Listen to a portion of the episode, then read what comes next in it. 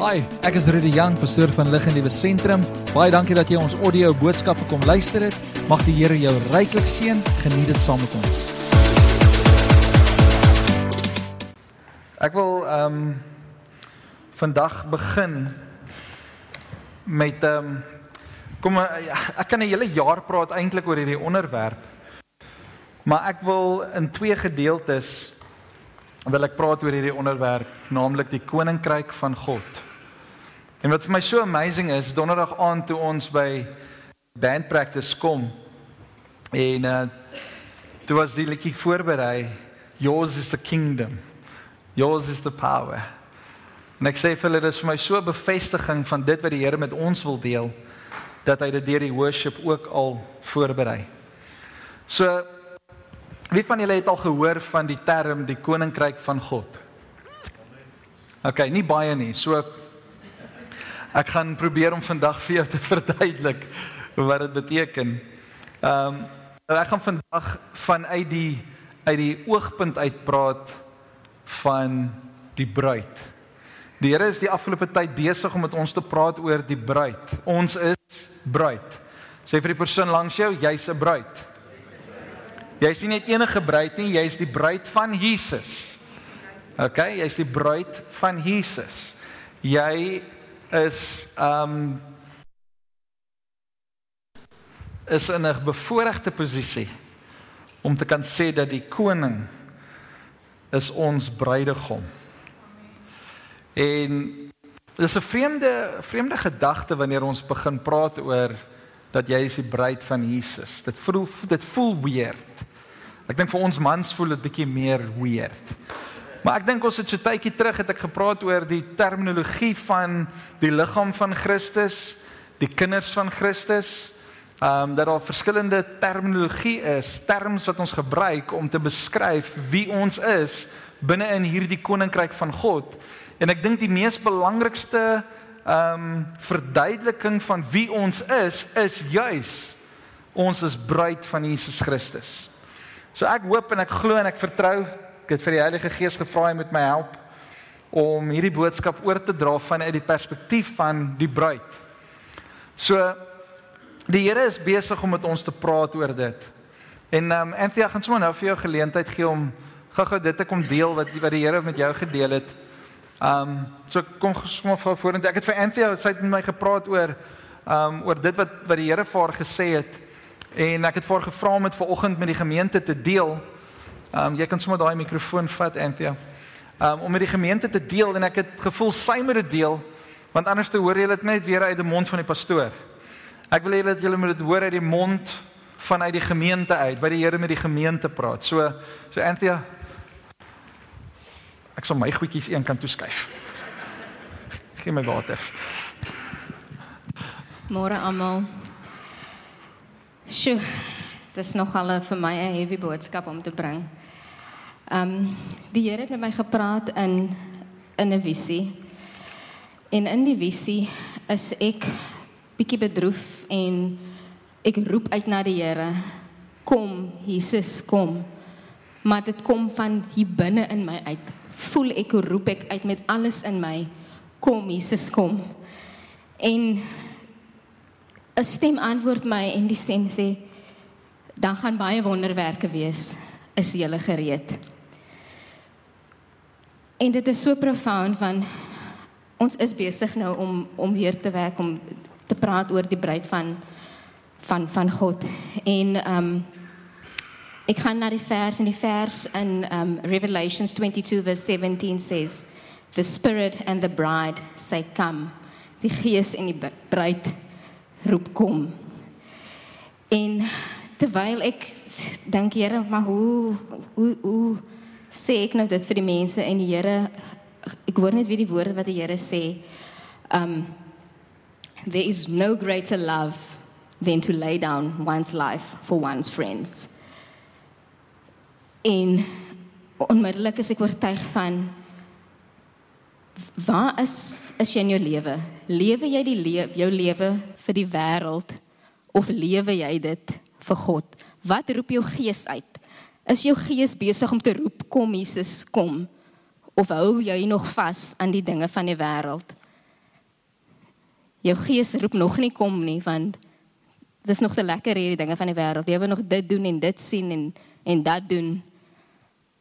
Pat die Here sê die wonderwerke gaan kom as jy gereed. Ehm um, so daai vers um, dit staan in Johannes 15 vers 13 wat dit sê there's no greater love than to lay down one's life for one's friends. En um, dan sê dit verder van the master does not confide in his slaves. So gaan ons God en ons kan confide as ons nog slaves van hierdie wêreld is. Ons gaan ons lewe moet neerlê. Moet say goodbye to this world as ons regtig God liefhet en ons gees roep uit na hom.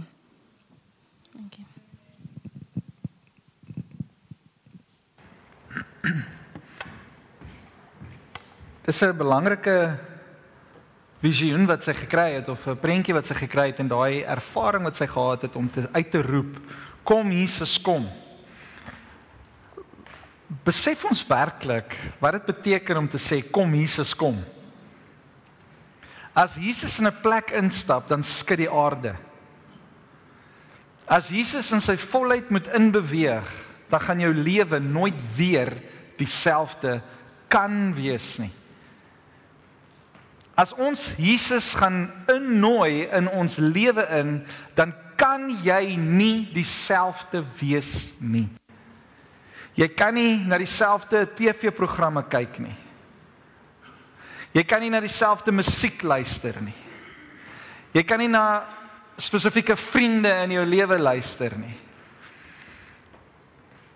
Daar's sekere dinge by jou werk wat jy gaan anders te moet doen. Hoe jy jou huishouding hanteer gaan anders te wees.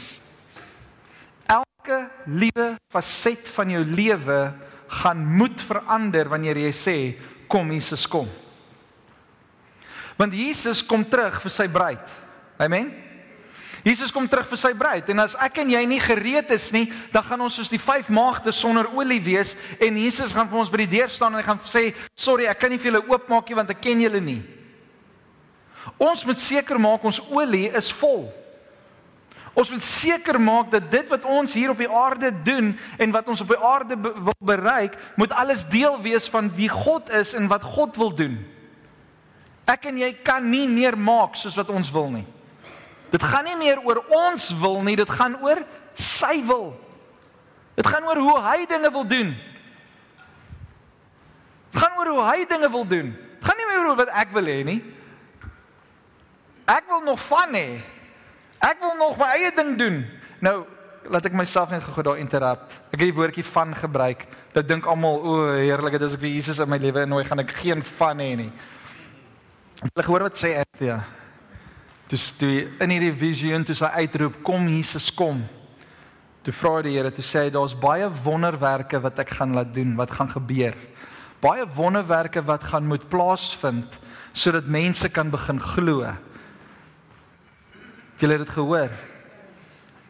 Vir wonderwerke om plaas te vind in jou lewe, moet jy op 'n plek wees in jou lewe waar Jesus eerste is. Waar jy waar jy werklik in die koninkryk van God leef en uitleef. Nou ek gaan regtig probeer en eh, toe sê dit vir my vertel toe resonate dit dadelik met my want die Here is besig om my te praat oor hierdie onderwerp. En ek dink te myself, weet jy, ons het nodig om te verstaan dat ons is nie nou geroep om met 20 of met 1920 se mentaliteit te leef nie. Ons is geroep om met nou, met dit waarmee die Here nou besig is, te leef. Ons kan nie nou gaan en sê, wel eh, toe ek op sonnaskool was, het die juffrou in die sonnaskoolklas hierdie hierdie versie vir my so gelees en dit is nou dit nie. Nee, die Here is besig om sy woord al hoe meer oop te breek. Ek weet nie of julle dit sien nie, maar maar dit wat ek geleer het 'n paar jaar terug, die Here is besig om skrif net meer en meer duideliker te maak en meer oop te maak. En ek wil vir jou sê die Here is besig om mysteries oop te breek Goeders wat ons vandag verstaan wat ons nog nooit in ons lewe verstaan het nie. Goed wat ons vandag sien wat ons nog nooit in ons lewe gesien het nie. Ek wil vir jou sê, spandeer meer tyd met Jesus Christus, spandeer tyd in sy woord. Sorg dat die Heilige Gees dit vir jou lewend maak en jy sal die dieper dinge wat God vir jou instoor het, sal jy begin sien, sal jy begin beleef want ons is nie meer gefokus op die gisters nie, ons is gefokus op dit wat vandag wat God vandag in ons lewe wil doen. God wil vandag vir jou steak gee, maar jy's nog besig met McDonald's.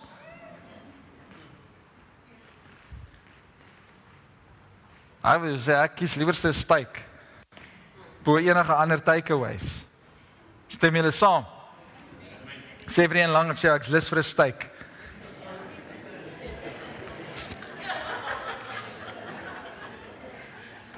Ek sien 'n paar mense het mekaar sommer nou genooi ook.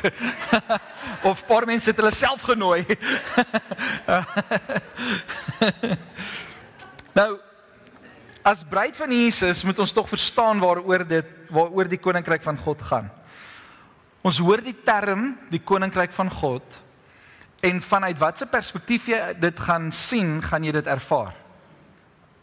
So ons het verlede keer het ek gepraat oor um, die bruid van Jesus Christus en ons het gepraat uit Efesiërs 5 waar ons gekyk het en waar die waar die Here met ons praat oor die rol van die man, die rol van die vrou, waar hy vir die vrou sê jy moet submit tot jou man en ek het vir julle mooi verduidelik om duidelik het vir die Annie op die stage gehad en ek het vir julle mooi verduidelik dat submit beteken nie ek het my duim op haar kop of my voet nie, want die Here het haar uit my rib uitgehaal, so sy moet hier in in in inskakel, né? Nee, dis 'n legkaart. So sy moet hier inskakel.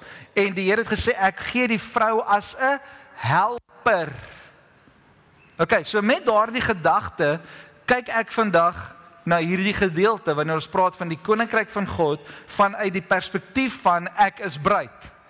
Ek is vrou van Jesus. OK? Dis nie transgender nie. OK? Dis nie identiteitsprobleme nie. Dis die funksie, dis die rol, dis die roeping wat die Here vir ons het, is dat daar moet 'n verhouding wees tussen mens en God. En hoe hy dit vandag vir my en vir jou verduidelik is in die prentjie van die huwelik. Hoekom dink julle word die huwelik so aangeval? Hoekom dink julle word die die prentjie van 'n vrou so so aangetas? Hoekom word die prentjie van 'n man so aangetas? OK, ek wil nou nie eers daar ingaan nie. Ek het baie om te sê daaroor.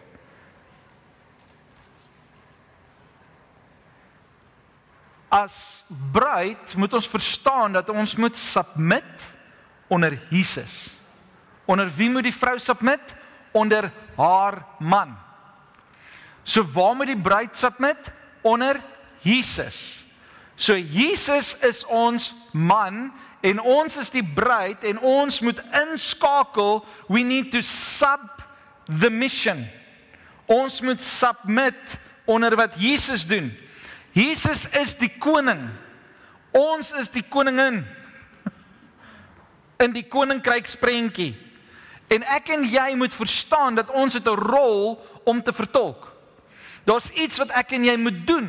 Want die vraag kom by my op, jy weet terwyl ek nou hierdie goeters lees, kom die vraag by my op. Die koninkryk van God. Maar wat moet ek doen in die koninkryk van die Here? Ek hoor mense sê dat ons moet die koninkryk uitbrei, maar Maar hoe doen ek dit? Ek hoor dat ons moet die die, die koninkryk het 'n impak in die gemeenskap. Maar maar hoe het die koninkryk van God 'n impak in die gemeenskap? So wat is die rol wat ek moet speel, wat jy moet speel binne in die koninkryk van die Here? So wanneer ons kyk na die prentjie van van ehm um, van bruid, dan kom dit juis hierin. Ons moet Jesus help om die koninkryk uit te brei. Ons moet almal wys na Jesus toe. Ons verwys almal na Jesus toe. Ons moet Jesus help. So as Jesus sê ons moet spring, wat moet ons doen? Ons moet spring. As Jesus sê ons moet rol, wat doen ons? Ons rol. As Jesus sê ons moet geld gee, dan gee ons geld. As die as Jesus sê ons moet wat Jesus ook al in sy woord vir my en vir jou sê om te doen, dit moet ons doen met alles wat binne ons is. Hoekom? Want dit is hoe ons die koninkryk van die Here uitbrei. Dit hoe ons die koninkryk hier op aarde gaan leef. Nou tye is besig om te verander. Ek weet nie of julle weet nie, die jonger mense sal weet daar's 'n ding wat ons noem AI, artificial intelligence. En dit is nou 'n groot ding. Ek meen jy gaan na die rekenaar toe en jy sê vir die rekenaar, gee vir my 'n 'n mondeling oor ehm um, die superpowers van diere. 3 sekondes later dan begin hierdie AI, die rekenaar, begin hy vir jou tik. Goeiemiddag, dames en here. Nou kan dit nou in Engels wat hy dan nou vir jou tik, né? Nee? Good afternoon ladies and gentlemen. Today I want to speak to you about the superpowers of animals. Inleiding, middel, slot. En dan noem hy al die superpowers van animals. 'n Mier byvoorbeeld kan 50 keer sy kilogram sy sy liggaamsgewig optel. 'n Olifant onthou. Voëls kan vlieg.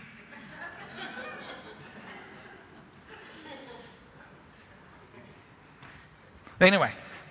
So die AI is besig om baie dinge vir baie mense makliker te maak, maar dit maak my bang.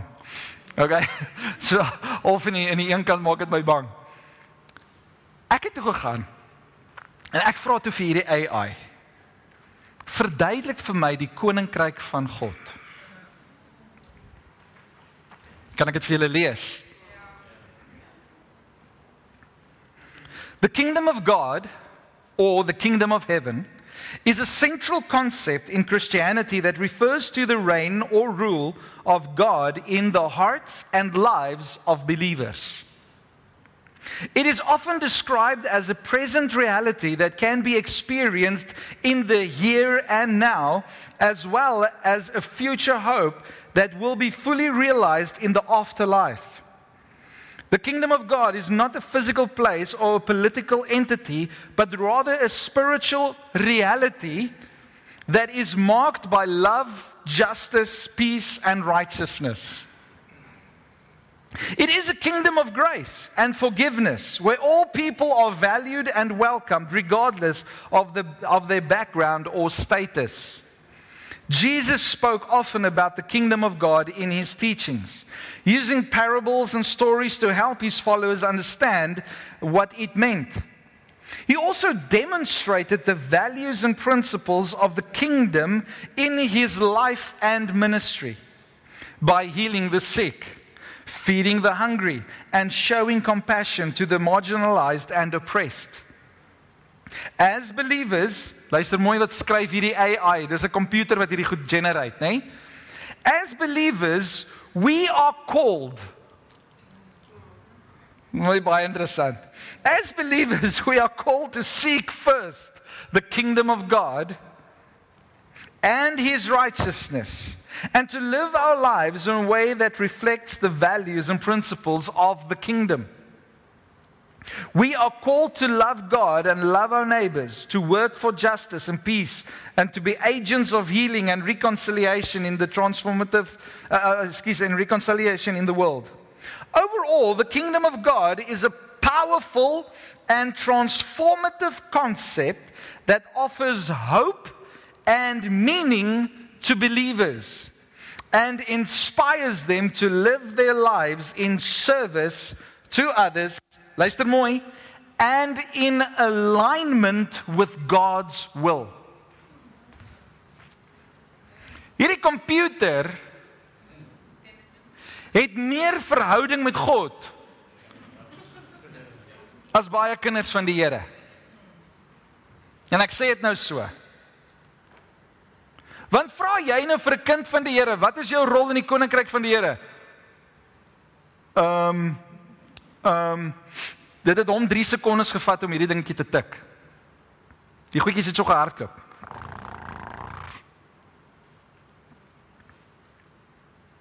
Dis 'n paar waarhede hier binne. Dis 'n paar dingetjies wat ek sal verander. Maar dis 'n paar waarhede hier binne. En ek wil aansluit met hierdie ding wat hy sê. Overall, the kingdom of God is a powerful, wie sê saam met my die koninkryk God is kragtig. It is transformative, dit verander mense. It's a, a powerful and cons uh, transformative concept that offers hope. As ons sê ons is deel van die koninkryk van God, is ons besig om vir mense hoop te gee? Of daar waar jy leef, is jy besig om mense van die wal af van die sloot te help? Okay? And meaning to believers and inspires them. Inspireer God jou nog om jou lewe so te leef in diensbaarheid teenoor ander en om in alignment te kom met God se wil. Ek wil hierdie gedeelte gebruik. Nou, die van julle wat nou bang raak, moenie worry nie. Ek gaan nie my preke by AI kry nie. OK. Die gedagte het by my verbygehardloop.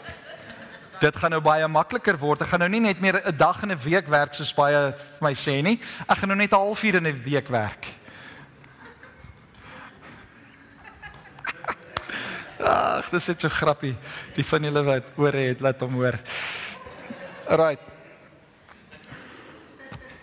Wie is die senter van 'n koninkryk? Wie is die senterpunt van 'n koninkryk?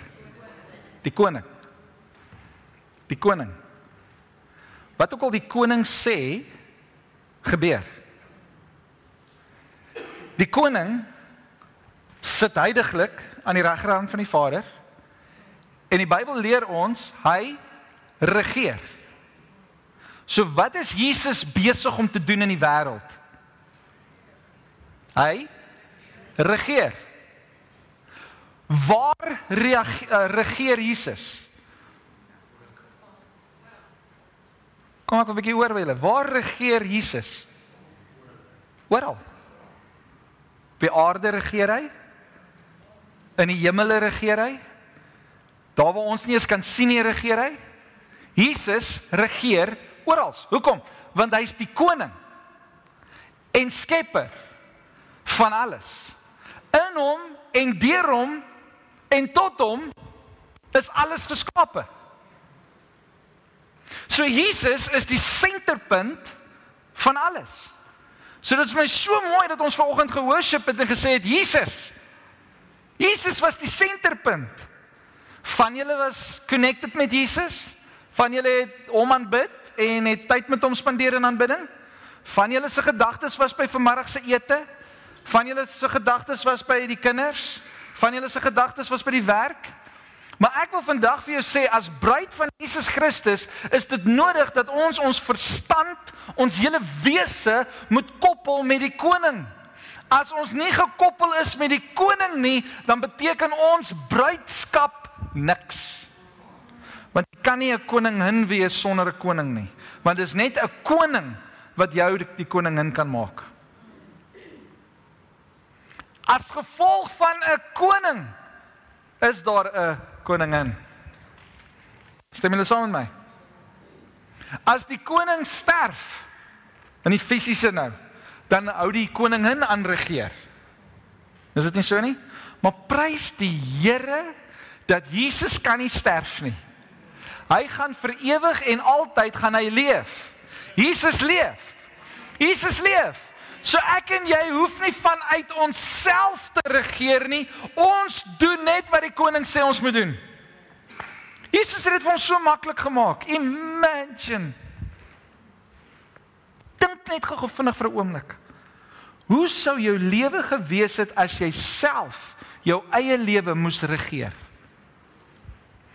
Ek weet waar ek sou gewees het. Nie op hierdie verhoog nie. Ek sou nie in die bediening gewees het nie. Waaragtig. Dit lyk baie lekkerder daar waar jy is.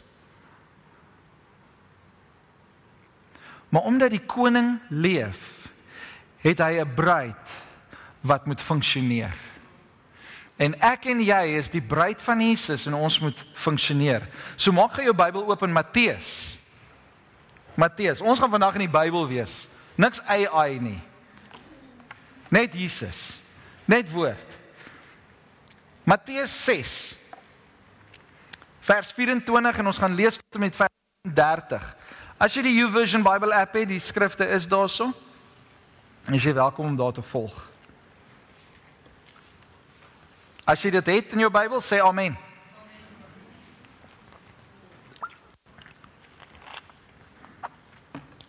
OK, kom ons begin. Vers 24. Matteus 6:24. No one can serve two masters for you will hate one and love the other. You will be devoted to one and despise the other. You cannot serve God and be enslaved to money. Nou hierdie vers begin deur te sê daar is 'n meester.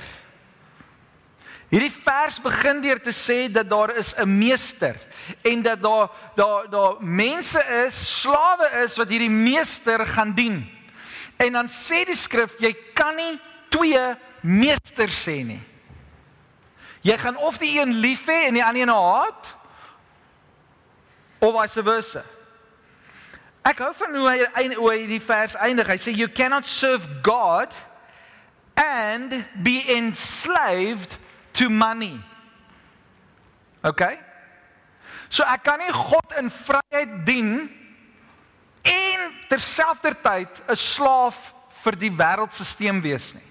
In hierdie geval geld. So ek moet verstaan wie is my bron? Gaan geld my bron wees of gaan Jesus my bron wees? Ek weet ons almal het geld nodig om te doen dit wat ons moet doen. Ons moet kos koop, ons moet klere koop, ons het rekeninge wat ons moet betaal ensovoorts. Maar as geld in homself jou meester gaan wees, gaan jy dit nie maak nie. Want jy gaan net 'n slaaf wees. Maar wanneer God jou meester is, dan het ons vryheid binne in boundaries. Dan het ons vryheid binne in boundaries. Hierdie gebou het boundaries, daar's mure en binne in hierdie gebou is ons almal vry om te beweeg. Wanneer ons buite die gebou gaan, is daar gevare. Maar wanneer ons binne in die gebou is, dan is dit veilig. Die statistieke sê dit is dis makliker of die die kans dat jy sterf op 'n sypaadjie is groter as wat jy sal sterf binne in 'n kerk. So dis veiliger binne in 'n kerk. Moenie gaan rondloop nie. OK, ek wou dit net daar ingooi. Ek moes iemand moes dit net hoor. So you cannot serve God and mammon. You cannot serve one master and obey another. Okay? Vers 25. That is why I tell you not to worry about everyday life whether you have enough food and drink or enough clothes to wear. Isn't life more than food and your body more than clothing? Look at the birds. They don't plant or harvest or store food in barns, for your heavenly Father feeds them. And aren't you more far more valuable to him than they are? Ek wil net gou daar pause. Die rede hoekom mense agter materialistiese goederes aanhardloop is mense wil waarde hê. En wanneer jy emosioneel is, dan doen ons sekere materialistiese dinge. Ons van ons is emosionele eters. Ek val in daai kategorie. As ek emotional is, dan wil ek iets kou. Ek wil iets eet. Ek is nie meer so baie emotional nie, jy kan sien nê. maar dan kry jy ouens wat as hulle emosies bietjie hoog is, dan hou hulle van gaan shopping doen. Van ons as ons emosies hoog is, dan wil ons sekere materialistiese goederes doen. Die Here sê dat wanneer ons kyk na al hierdie dinge, wanneer ons ons waarde wil toevoeg aan materialistiese dinge, dan val ons in 'n kategorie van enslavement. Jy's 'n slaaf. Maar wanneer jy jou identiteit vorm of jou waarde vorm binne in dit wat God vir jou sê, dan is jy vry. Jy's vry want jy's binne in God. Hy is jou meester, hy is jou koning, hy is jou alles. So wanneer ek en jy dan leef, kyk ons nie na die wêrelddinge wat rondom ons aangaan nie. Ons soek nie ons identiteit in die wêreldstelsel nie. Ons soek nie ons waarde in die wêreldstelsel nie. Ons soek ons waarde by God. So ek wil jou aanraai wanneer jy emosioneel is, in plaas daarvan om te hardloop na goed, hardloop na God. Moenie na goed hardloop nie, hardloop na God. Hy is die een wat vir jou versorg. Hy is die een wat vir jou die die deure oopmaak. So kom ons lees verder. So jou waarde lê nie in dit wat rondom jou is nie. Jou waarde, jou jou value is in hom. Vers 27. Can all your worries add a single moment to your life? And why worry about your clothing? Look at the lilies of the field and how they grow. They don't work or make their clothing. Yet Solomon in all his glory was not dressed as beautifully as they are. And if God cares so wonderfully for the wildflowers that are here today and thrown into the fire tomorrow, He will certainly care for you. Why do you have so little faith? Ek wil gou daar stop. Ek dink die koninkryk van God Nee, ek dink nie dit nie, ek weet dit. Die koninkryk van God word gedryf deur geloof. Julle saam met my stem. Die koninkryk van God word gedryf deur geloof. Wanneer ons geloof in God is, dan kan ons vorentoe beweeg. Die koninkryk van God heidaglik hier op aarde is onsigbaar. Ons kan dit nie sien nie. Daar's nie 'n 'n 'n kasteel met 'n met 'n troon en ons kan nie daar by die deure instap verby al die soldate en na Jesus toe gaan op die troon nie. Dit wat ons ervaar van God se koninkryk nou hier op aarde is onsigbaar. En vir ons om in die onsigbare te leef, moet ons leef in 'n lewe van geloof. Daarom is dit belangrik dat jy moet weet in wie glo jy. As jou geloof in die stock markets is. Die stock markets. Maar marker. Wat is dit in Afrikaans? Die aandelemark. Dankie. Dan gaan jy 'n Engelse ervaring hê. Jy gaan geslaan word met 'n stok. En dan gaan dit marks los. Stock market. Jou geloof moet in Jesus wees. Dan is jy nie 'n slaaf nie. As jou geloof in die wêreldstelsel is, dit kan enige oomblik verander.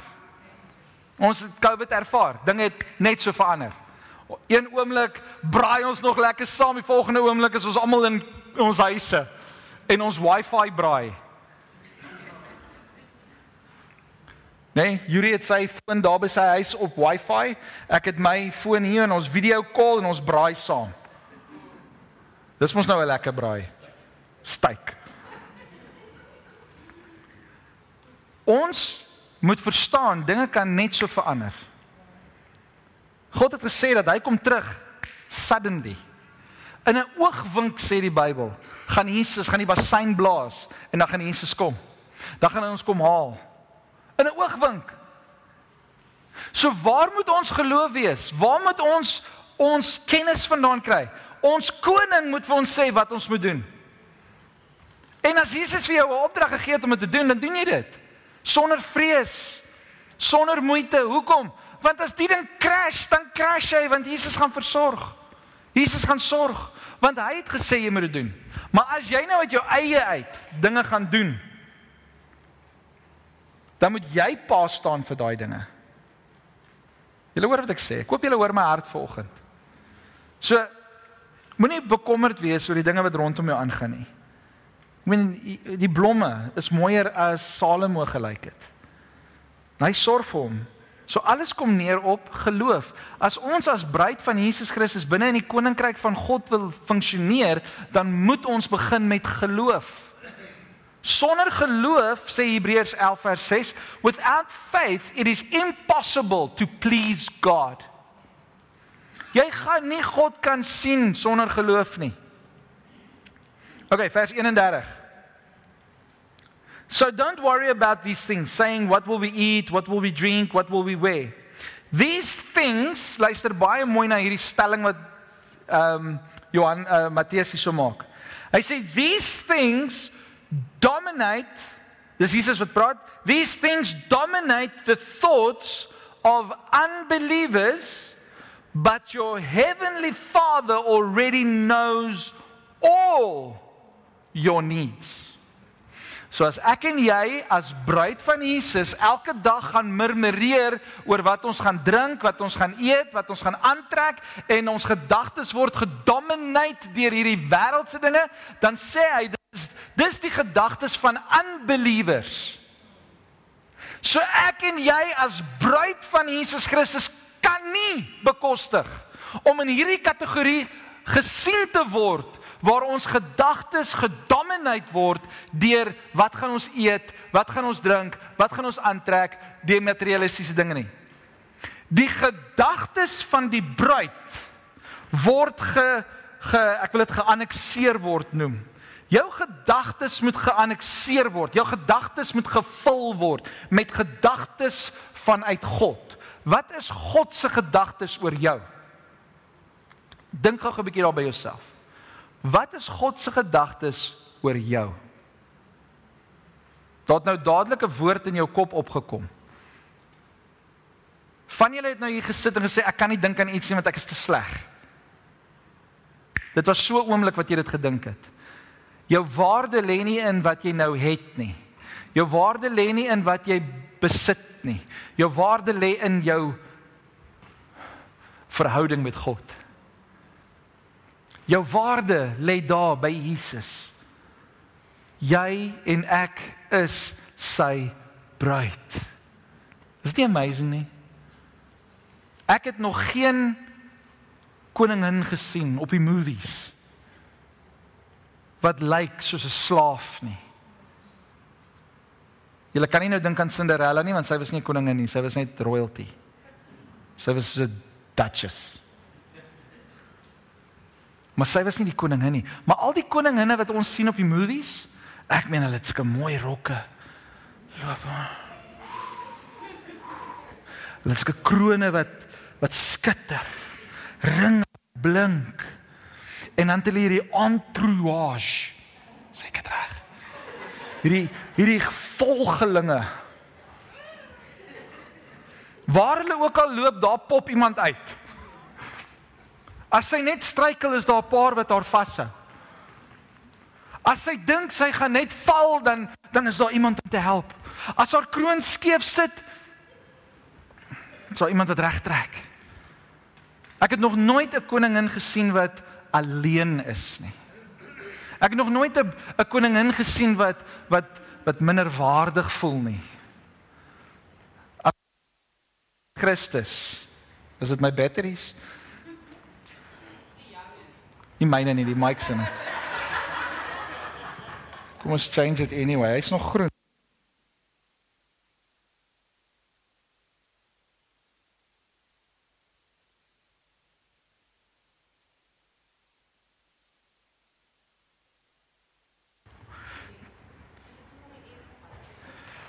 met die aerial buite my top sit sê sy.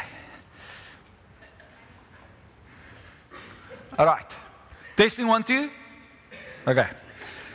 Waar was ek? O, by die bruid. Ehm um, so die die die bruid kan nie beweeg en dink sy's alleen nie. Die bruid het altyd mense rondom haar. Die bruid het bridesmaids. En die bridesmaids organise alles. Ek moet die bruid gaan sit en hulle trek skoene aan. Die bruid staan hulle maak alles styf hierso en kyk dat die veil reg is. Ek wil ek ek weet nie hoekom ek dit sê nie. Ek wil net vir iemand sê jy's nie alleen nie. Ek wil net vir jou sê jy's nie alleen nie. Maar jy sien jouself nog nie as 'n bruid van Jesus Christus nie. Daarom voel jy alleen. Daarom dink jy dat jy moet alles alleen aanpak. Jy hoef nie alles alleen aan te pak nie. Jy's die bruid van Jesus. Hy sal vir jou alles gee wat jy nodig het. So don't worry about these things saying what will we hierdie gedagtes wat ons vul. Dis dis hierdie hierdie wêreldse gedagtes, die gedagtes van die vyand van die wêreld. En ons almal gaan deur daai gedagtes. En dis aan die einde van die maand, nou gaan almal deur daai gedagtes, hè? Beursie is 'n bietjie, weet jou jou varkie, jou spaarvarkie lyk lyk so. Dinge gaan so 'n bietjie aan die einde van die maand 'n bietjie moeiliker. Is nou soos payday kan maar kom. en dan hardloop loop hierdie gedagtes deur ons koppe van hoe gaan ons dit maak? Hoe gaan ons dit? Hoe gaan ons ooit by die volgende punt kom? Ons het vanoggend gehoor dat die Here vir iemand in die gemeente gesê het dat hier gaan groot wonderwerke plaasvind. Hoekom is jy so gefokus op jou materialistiese dinge? God gaan vir jou wonderwerke begin wys. En niemand gaan kan sê dit is die arm van of die hand van 'n mens nie. Mense gaan weet dit is God wat voorsien het. Mense gaan weet dit is God wat voorsien het. Moenie so vashou aan jou aan jou menslike besittings nie. OK. Vers 33. Seek the kingdom of God above all else and live righteously. And he, that's Jesus, will give you everything you need. So don't worry about tomorrow, or tomorrow will, uh, for tomorrow will bring its own worries. Hier is hierdie versie skep hoop by my. Today's trouble is enough for today. Ek het myself gevang hierdie week. Ek het myself gevang hierdie week waar ek gesit en dink het. O, Here. Jy moet nou help. Want môre en oormôre en die week daarna en die week daarna ek het myself gevang waar ek daar in 'n posisie in is van depressiwiteit wat ek gedink het dit gaan nou 'n wonderwerk kos. En terwyl ek as sit lees ek hierdie versie. En die Here sê vir my, wat is vandag se moeilikheid? Wat is jou bekommernisse vandag? Vergeet nou eers van van môre. Môre moet ek rekeninge betaal. Dis môre se worries. Wat is vandag se worries? Okay, Here, dankie dat U voorsien in ons daaglikse brood. Dankie dat U vir ons help in daai situasie wat vandag uitgesorteer moet word. Dis die moeilikheid net so klein. Maar terwyl ek besig was om te dink oor die moeilikheid van vandag, van môre, van oormôre, van aan die einde van die maand, dit was net so groot berg. Ek wil vandag vir jou sê daar's te veel berge in jou lewe want jy kyk te veel na die berge. Psalm 121 sê waar sal my hulp vandaan kom? Ek kyk op na die berge. Waar sal my hulp vandaan kom? dan sê hy my hulp kom van die Here. Ek weet nie vir wie dit is vandag nie. Ek weet miskien is dit vir meer vir my. Ek preek miskien meer vir my vandag. Ek sal vir myself kyk. Ehm um, so Is daar nog iemand wat vandag die woord moet hoor? Is daar nog iemand wat vandag moet hoor dat die Here sal voorsien in jou nood? Is daar nog iemand wat vandag moet hoor dat die moeilikheid wat vandag is, is vandag se moeilikheid. Môre se moeilikheid, worry vir homself. Ons leef te veel in die toekoms dat ons vandag mis. Hoe hoe gaan 'n Engelse stelling? Dit kom nooit by my op. Ons we can do nothing about the past. We can have hope for the future. But when we miss the present, we miss the present. Ons mis dan die geskenk wat die Here vir ons wil gee. En ek wil vandag net vir iemand hierso sê dat wanneer jy gefokus is op die koninkryk van God, dan hoef jy nie bekommerd te wees oor die dag van môre nie. Soek eers die koninkryk van God en en wat het wat het ons gelees? Wat is die koninkryk van God? Kom kom ons lees dit. Wat is die koninkryk van God? Romeine 14. Ek gaan nou nie daai hele stuk lees nie. Ek wil, maar ek gaan nie nou nie. Maar vers 17 sê for the kingdom of God is not a matter of what we eat or drink but of living a life of goodness and peace and joy in the Holy Ghost. What is the kingdom? Die koninkryk van God is jy sy bruid wat in goedheid uitleef. Wat in geregtigheid leef. Sy bruid wat vol vreugde is. Ek het ek doen baie troues ek baie dankbaar daarvoor. Ek doen baie troues. Ek ek sien baie koppels wat wat nou gaan trou. Jong mense wat wil trou, ou mense wat wil trou, mense wat wil trou. OK? Man en vrou wat wil trou. En en ek het nog nooit nog nooit. Ek dink as ek nou moet gaan tel het ek seker nou al vandat ek my lisensie het seker nou al so 300 troues gedoen. Ek het nog nooit 'n bruid gesien wat by die aisle afstap. ek wil nie. Ek wil nie. Weet jy pa stap mos nou saam en hang sy in die pa se arm. Moenie my weggee nie asseblief. ek het nog nooit so bruid gesien nie. Was een van julle miskien so bruid? Nee, die bruid kom daar af gestap ingehak.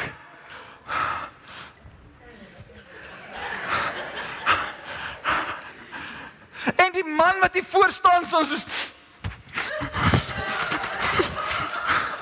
Nee, huil van o heerlikheid.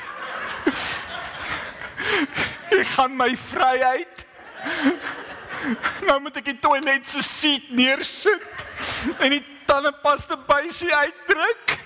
Nee, daai man staan daar voor en sy oë, it beholds the bride and he sees the bride and it's tears of joy. En dan as daai vrou langs hom kom staan, daai bruid langs die man kom staan, dan weet hierdie man nie wat om met homself te maak nie. Moet ek moet ek vir jou drukkie gee om vir jou sê jy's mooi, moet ek net Okay, trou ons nou. Okay, mag jy bruid soen? Die ouens is confused hier voor. Hulle weet nie altyd lekker wat om te maak nie.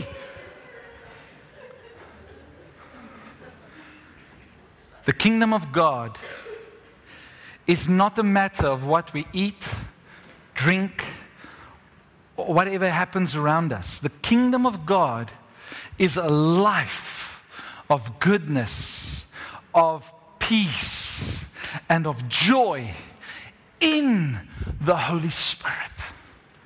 Jy sien wanneer die Heilige Gees deel is van jou, dan kan jy nie anderste as om bly te wees nie. Al is jou beursie leeg. Jy jy jy kan nie help om vol blydskap te wees al is jou koskaste leeg. Jy kan nie help om bly te wees al is jou petroltank leeg nie. Jy kan nie help om bly te wees al is daar watse moeilikheid ook al nie, want met Jesus is ons meer as oorwinnaars. Met Jesus kan ons oor 'n muur spring. En ek praat nie van jou 4 voet, 6 voet muur by die huis nie. Ek praat van Jerusalem muur.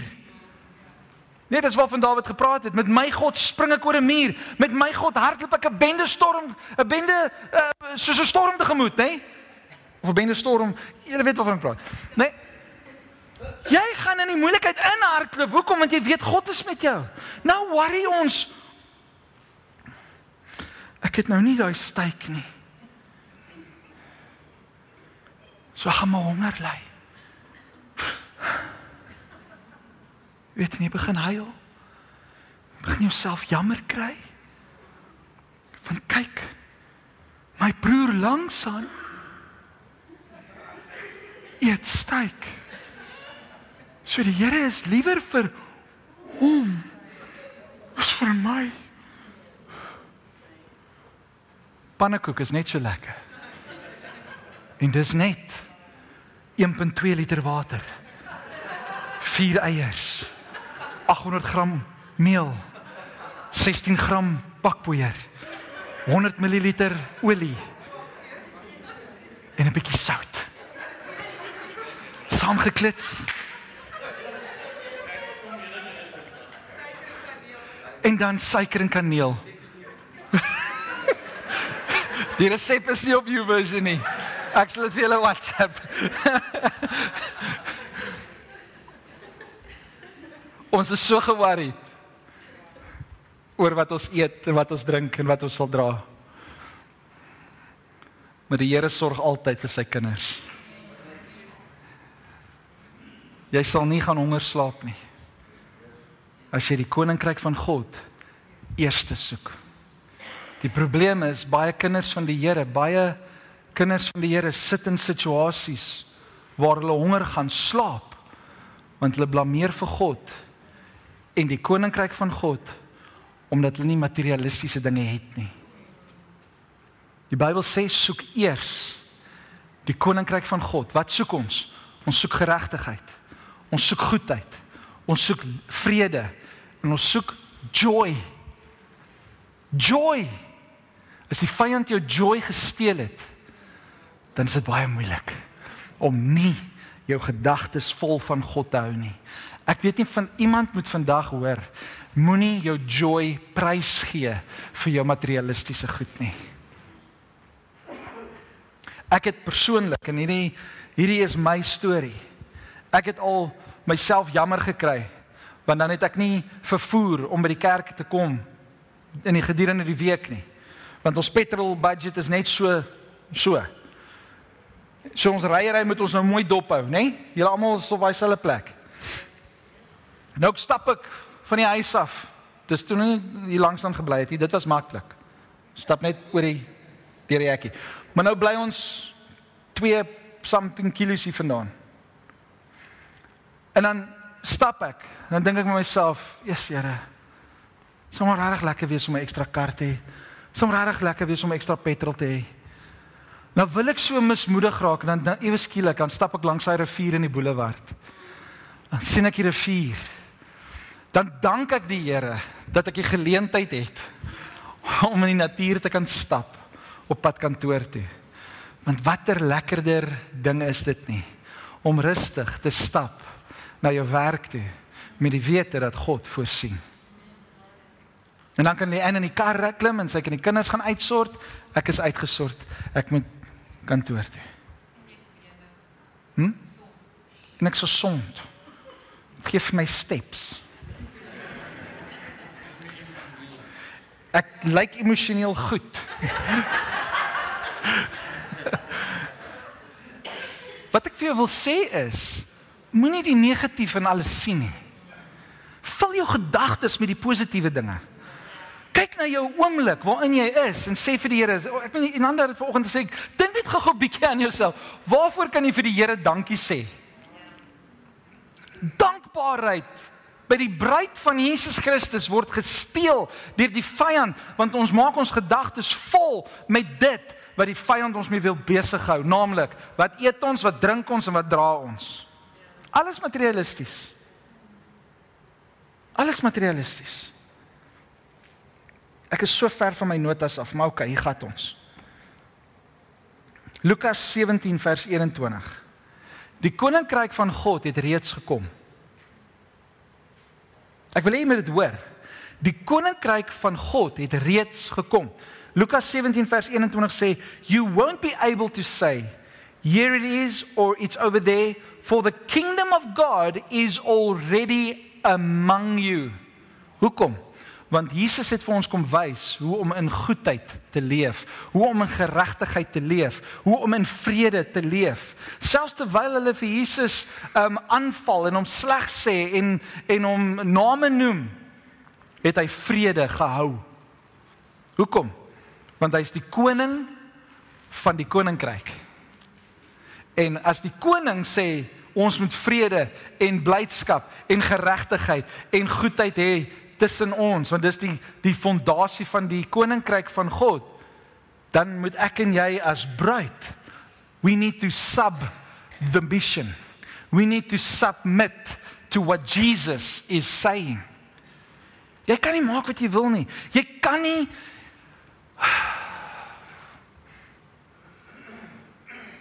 Ons mag kwaad raak. Ons mag emosioneel wees. Die probleem is wanneer ons emosies met ons weghardloop, dan begin ons goed sê en doen wat nie pas by die bruid van Jesus Christus nie. So wat sê die Here vir ons in sy woord? Hy sê dis alright as jy kwaad raak, moet net nie sondig nie. Wie van julle het al kwaad geraak? Nee, ons raak kwaad. Wie van julle het al frustreerd geraak? Verseker. Wie van julle was al hartseer? Dis normale emosies wat ons almal ervaar. Maar wanneer jy daai emosie ervaar en jy gaan na Jesus toe met jou emosie, dan vul hy jou met sy vrede. Hy vul jou met sy liefde. Hy vul jou met dit wat hy is. Dan kan die koning in jou lewe opstaan en sê, "Oké, okay, ek sal beheer vat hierso." Die Bybel sê die vrou is die swakkere ene.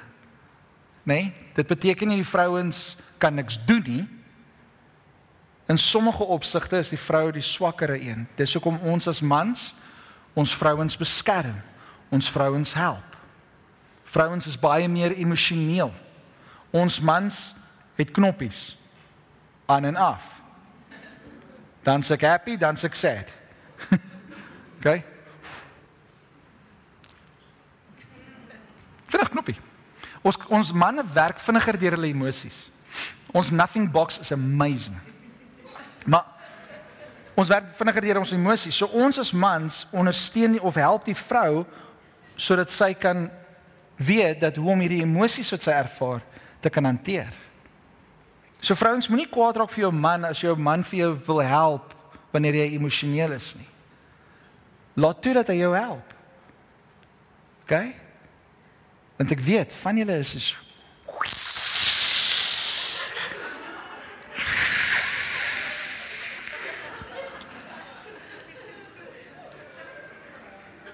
Liefie, dit gaan oral wees. Dis vir jou geldjie gaan koop vir jou sjokolade. Miskien help met jou emosies.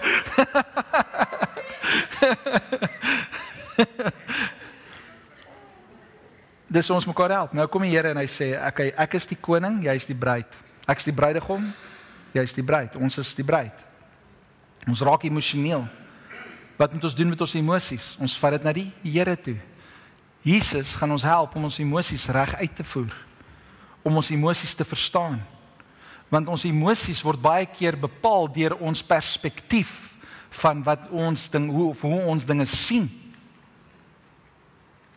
Moenie vasgevang word in daai gedagtes nie. Bou jouself binne in Jesus in. Sodat wanneer jy emosioneel raak, wanneer jy daai emosies ervaar, ervaar dit, maar maar grond dit binne in sy woord. OK. Right, ek sluit af met hierdie gedeelte in Lukas. Lukas 13 vers 18. Then Jesus said, "What is the kingdom of God like? How can I illustrate it? It is like a tiny mustard seed that a man planted in a garden. It grows and becomes a tree, and the birds make nest in its branches." He also asked, "What else is the kingdom of God like?" It is like, like the yeast a woman uses in baking bread. Even though she put only a little yeast in three measures of flour, it permeated um, every part of the dough. So hier's twee illustrasies wat Jesus gee rondom wat die koninkryk van God is. Die eerste ene verwys hy na 'n mosterdsaadjie. Hy sê hierdie mosterdsaadjie, dis soos 'n mosterdsaadjie wat geplant word en groei. Hy groei en word 'n baie groot boom. Hy's baie klein, maar hy het 'n groot impak. En dan die voëls van oral kom en hulle maak neste. Dis verskillende voëls, verskillende neste word dan gemaak binne in hierdie boom. So die koninkryk van God is een groot massiewe boom en daar's verskillende neste. Ons het verskillende kerke, verskillende denominasies, verskillende mense binne in die koninkryk van God. Ek kan nie na 'n ander kerk kyk behalwe as hulle nie Jesus as die koning bely nie. As enige kerk wat sê Jesus is koning, hulle is binne in die koninkryk van God. Hulle maak nes binne in die koninkryk van God, binne in hierdie boom. Nou, My kop het so 'n bietjie verder gegaan. Wat anders in die Bybel word vergelyk met 'n mosterdsaadjie? Jou geloof. Geloof is nodig in die koninkryk van God. Wanneer ek en jy ons geloof toepas in die koninkryk van God, dan kan die koninkryk van God uitbrei. Hoe gebeur dit? In ons leefstyl, in ons leefstyl, kom die Here en hy hy help ons om so te leef volgens sy woord. Nou begin ons sy woord uitleef. Mense sien ons geloof in Jesus en mense sien dat daar's antwoorde, daar's hoop. En wat gebeur nou? Nou vra hulle vir jou, "So wat het jy wat ek nie het nie?" En dan is dit 'n geleentheid om te sê, weet jy, in my situasie het ek dit geloof in Jesus. En nou begin ons die evangelie verkondig en wat gebeur? Ons geloof in Jesus, ons raak 'n getuie en die getuienis gaan vorentoe en meer mense kom tot bekering. En so brei ons die koninkryk van God uit. Nou, tweede prentjie is gis. Nou ek het 'n bietjie gaan oplees. Ek's nou nie 'n kenner van gis nie, maar hierdie een artikel wat ek gelees het rondom gis, gis kan 'n gevaarlike ding wees. Ek onthou toe ek op skool was, het ek 'n vriend gehad. En ehm um, ja, ek het ook vriende gehad toe ek op skool was. My ek en ek en Sagrys het baie dinge gedoen. Maar ons was stout ook. En een dag toe besluit ons ons gaan pynappelbier maak. Soos gemmerbier. Gemmerbier is mos nice. Ek meen ons koop dit uit die rak uit. Drink 'n gem maak niks. En so maak ons alles, ons gooi die suiker in, ons vat die hele storie, ons en ons gaan sit hierdie ding in die son want die gis moet nou nou werk. En so vergeet ek en Sagrys van die storie. Want ons begin kuier, ons begin TV games speel, later is ons in die garage besig met die motorfiets engine en ons gaan te kere. En Sagrys is soos Ons moet seker gaan kyk. Toe ons by daai pineappelbier kom. Toe staan die deksel al so en die ding is al opgeblaas. En Sagrys sê nou gaan hy lekker wees. Net is ek weet nie, ons sal kyk. Ek ken nie goed nie. Ek kom nie huis uit van drank nie, so ek ken nie drank nie, ek ken nie alkohol nie. Anyway, so het ek en hy toe nou pineappelbier gedrink. En die effek van die gis wat nie reg hanteer was nie, was nie 'n goeie effek op die liggaam. So met ander woorde, gis kan goed wees of kan sleg wees. Hm? Dit kan hey, joy veroorsaak veroorsaak. Gis kan albei kante toe gaan. Nou sê die Here, die koninkryk van God is soos gis wat in 'n brood ingewerk word. 'n Vrou vat daai en en die persoon skryf in die artikel en sy sê dat as jy die gis net op 'n sekere manier hanteer, dan vorm daar mif rondom die gis en daai mif kan poison veroorsaak binne in die brood as jy dit nie reg hanteer het nie. Ek is so wow. Ons koop liewerste deeg by die winkel. Dis veiliger.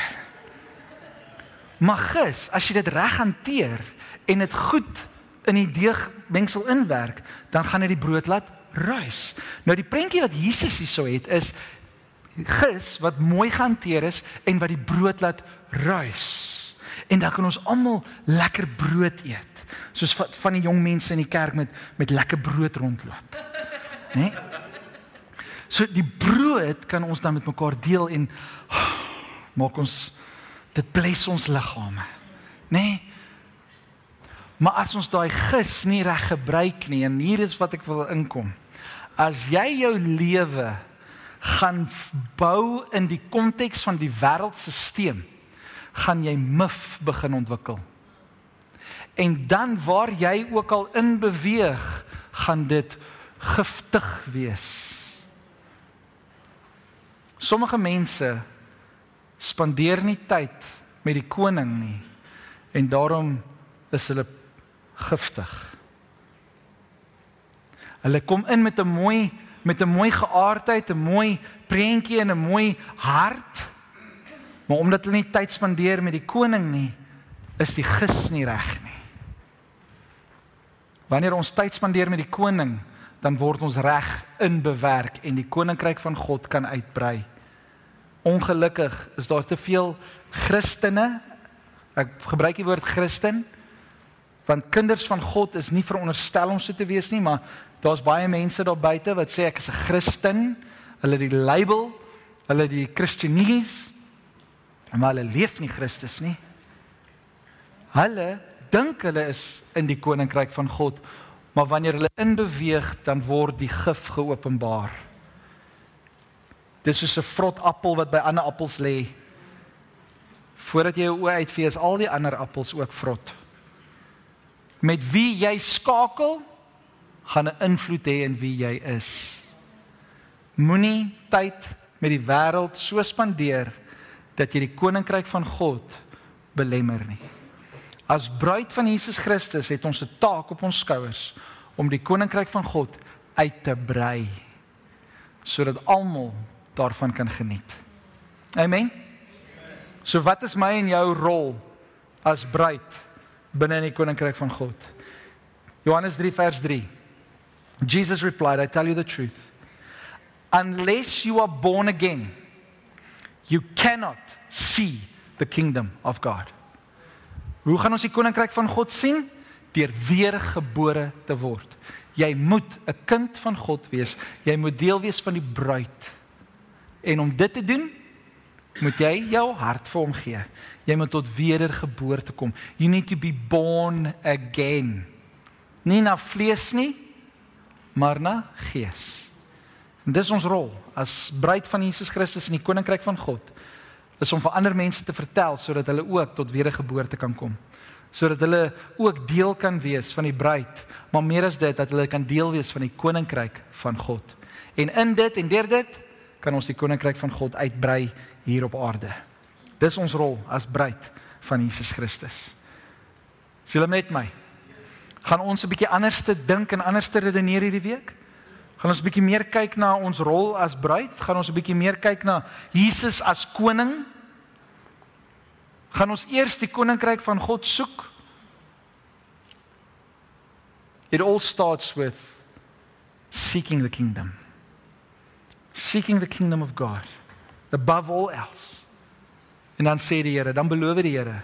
En al hierdie ander dinge, die dinge wat hy in die vorige versies genoem het, die kos, die wat jy sal drink, wat jy sal aantrek, al hierdie dinge wat jy nodig het, jou behoeftes. As jy die koninkryk van God soek en sy geregtigheid. Onthou geregtigheid speel 'n groot rol. Jy kan nie die koninkryk van God soek en in ongeregtigheid bly nie. Dis nie 'n value van die koninkryk nie. So jy moet die koninkryk van God soek en in geregtigheid leef dan sê die Here al hierdie ander dinge sal vir jou bygevoeg word. Amen. So volgende week gaan ons 'n bietjie verder praat oor die koninkryk van God. Ons gaan 'n bietjie verder gaan, bietjie dieper gaan. So bid vir my hierdie week dat die Here hierdie gedagte wat die Here op my hart geplaas het, meer sal oopbreek sodat ons volgende week 'n boodskap kan hoor wat life changing is. Wat nie net Kom ons gaan gou deur punt nommer 1, punt nommer 2 en gaan gou En ek wil nie AI gebruik nie. Al is sê hulle dit so mooi. Ons moet by die Here hoor. Ons moet by die Here hoor. Ons moet fyn wees nou in die tyd waarin ons leef. Daar's baie stemme daar buite en ons weet nie eers dat dit 'n AI is nie. Maak seker dat jy jou oor ingestel het by die koning. Amen. Kom ons bid saam. Here baie dankie vir die voorreg wat ons het. Om hier te kan sit en te kan weet dat U met ons is. Dankie Here dat ons vandag net kon hoor dat ons as bruid het 'n rol om te speel binne in die koninkryk van God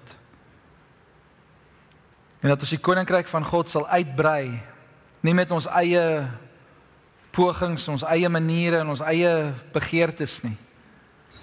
Maar dat ons net sal doen wat U wil is. Here dit herinner my dan aan Romeine 12 vers 2, do not be conformed to this world but be transformed by the renewing of your mind so that you can know what the good, acceptable and perfect will of God is. Here help ons dat ons ons gedagtes sal vernuwe rondom elke dag se lewe. Dat ons elke dag bewus sal wees van u teenwoordigheid, dat ons elke dag bewus sal wees van u voorsiening. Dankie Here dat u sal voorsien in elke persoon se behoefte. As jy ver oggend 'n behoefte in jou lewe het, wil ek hê met jou hand gevinnig daar opsteek. Enige behoefte, of dit nou finansiëel is of dit nou verhouding is of dit nou ehm um, werksomstandighede is, maak nie saak wat se behoefte dit is. As jy behoefte het, steek gevinnig jou hand op. Ons baie hande wat opgaan. Here, ek wil bid vir hierdie manne en vroue wat hulle hande opgesteek het. Ek dank die Heilige Gees. Wat soos wat hulle vanoggend se boodskap gehoor het, dat seek first the kingdom of God and his righteousness. En Here ons het gehoor die koninkryk van God is 'n goeie lewe, 'n life of goodness, a life of peace and a life of joy in the spirit. En ek bid Heilige Gees dat U ons hierdie manne en vroue sal help en sal aanraak en dat hierdie week soos wat hulle U aangesig soek, dank ek U Here dat U sal voorsien in hulle behoeftes. Nie soos wat ons dink nie, Here, want U gedagtes is ver beter as wat ons kan dink. Maar soos wat U wil. Ons dink 'n sekere manier want dit is ons prentjie, Here. Maar Heilige Gees, ek bid vir 'n week van wonderwerke in hierdie gemeente. Ek bid vir 'n week van wonderwerke in mense se lewens. Ek bid vir 'n week van wonderwerke, Here, wat wat mense sal draai na ons toe en sal sê, "Hoe kon dit gebeur in jou lewe?" En dan kan ons sê, "Ons hierdie wat ons ervaar, hierdie wonderwerk kom net deur Jesus Christus." En dat ons die geleentheid sal hê om mense na Jesus toe te lei. Here, dit gaan nie oor ons nie, dit gaan nie oor om 'n lekker lewe te leef nie. Dit gaan oor dat mense kan sien dat U 'n werklikheid is. Omdat die koninkryk van God onsigbaar is op die oomblik. Sukkel baie mense, Here, om bewus te wees van U teenwoordigheid. Sukkel mense om te verstaan hoe die koninkryk van God werklik leef, maar Here, ons geloof plaas ons vandag as gemeente plaas ons in u woord. En u woord sê dat wanneer ons geloof in u is, dan sal u vir ons die paaie gelyk maak. En ek bid nou Here dat u vir ons die paaie sal gelyk maak want Here ons geloof is in u, ons vertroue is in u, ons hoop is in u, ons lewe plaas ons in u hande. En ek dank u daarvoor. Dankie Here vir elke persoon wat hier so sit en miskien in sy lewe gesê het ek het Jesus nodig. Dank ek U Here dat soos wat hulle uitroep na U dat hulle ook tot wedergeboorte sal kom. Dat hulle ook 'n nuwe lewe kan ervaar. As daar so iemand is, wil ek hê met gou jou hand net vinnig opsteek. As jy jou hart vir die Here vandag gee, steek gou vinnig jou hand op. Ek dank U Here dat jy elke persoon dan nou aanraak elke persoon nader trek aan U. En ons loof U dat ons kan deel wees en dat ons bruid van Jesus Christus kan wees. Ons loof U daarvoor. In Jesus naam bid ons dit. Amen. Kom ons staan daar waar ons is.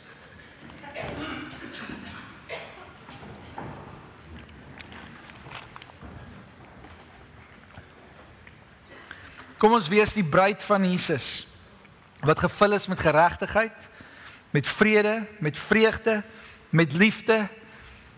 En ek wil dit weer sê, met joy. Met joy. Ons moet lag. Ons moet fun hê in die Here. Want hy is ons alles. Amen. Die lewe hoef nie boring te wees nie. Ontvang die seën van die Here. May the Lord bless you and protect you. May the Lord smile on you and be gracious to you. May the Lord show you his favor and give you his peace. En Here, soos wat ek dit oor hulle bid, oor elkeen van ons bid vandag. Dank ek U Vader dat U sê dat U self hierdie blessing oor ons spreek. Ek dank U Here dat hierdie week 'n week van oorwinnings sal wees. Dat hierdie week 'n week van wonderwerke sal wees. Dat in hierdie week Here dat ons die geleentheid sal kry om die lig van Christus te reflekteer en die lewe van Jesus met ander mense te kan deel. En so in die proses werklik lig en lewe in 'n gemeenskap daar buite te wees. Here dat ons hoop vir mense sal gee. Dis nie ons eie hoop nie, dis nie ons eie ons eie antwoord nie, maar die antwoord is Jesus. En dat ons werklik Jesus daar buite sal wees vir mense. En dat waar ons ook al beweeg, Here, dat daar lig sal wees en dat die duisternis verdryf sal word. Help ons, Here om goeie gis te wees. Here om op 'n plek te wees waar ons werklik 'n impak kan maak in mense se lewens vir die beter. Ek dank U daarvoor. Dankie dat U ons raak sien. Ek ervaar in my gees, ek moet net vir julle sê, die Here sien jou raak. Ek ervaar die Here wil net vir oggend vir jou sê, die Here sien jou raak. Dankie Here dat U ons sien. Dankie Here dat al is ons in baie opsigte word ons gesien as the outcast. Dank ek U Here dat ons vandag kan weet dat U woord oor ons is. Dat U sien ons raak en dat U 'n plan vir ons lewe het. En dat dit wat ons tot dusver gedoen het vir die koninkryk van die Here word nie misgekyk nie. Dankie daarvoor. Geef ons die nodige energie vir die week. Geef ons die nodige krag. Geef vir ons die nodige wysheid. In Jesus naam bid ons dit. En ons almal sê Amen. Mag julle geseënd wees hierdie week. Gaan groot vir Jesus. Amen. Kom ons brei die koninkryk van God uit. Baie dankie dat jy ons audio boodskap geluister het. Mag die Here jou ryklik seën. Besoek gerus ons webwerf by www.liggenlewe.com.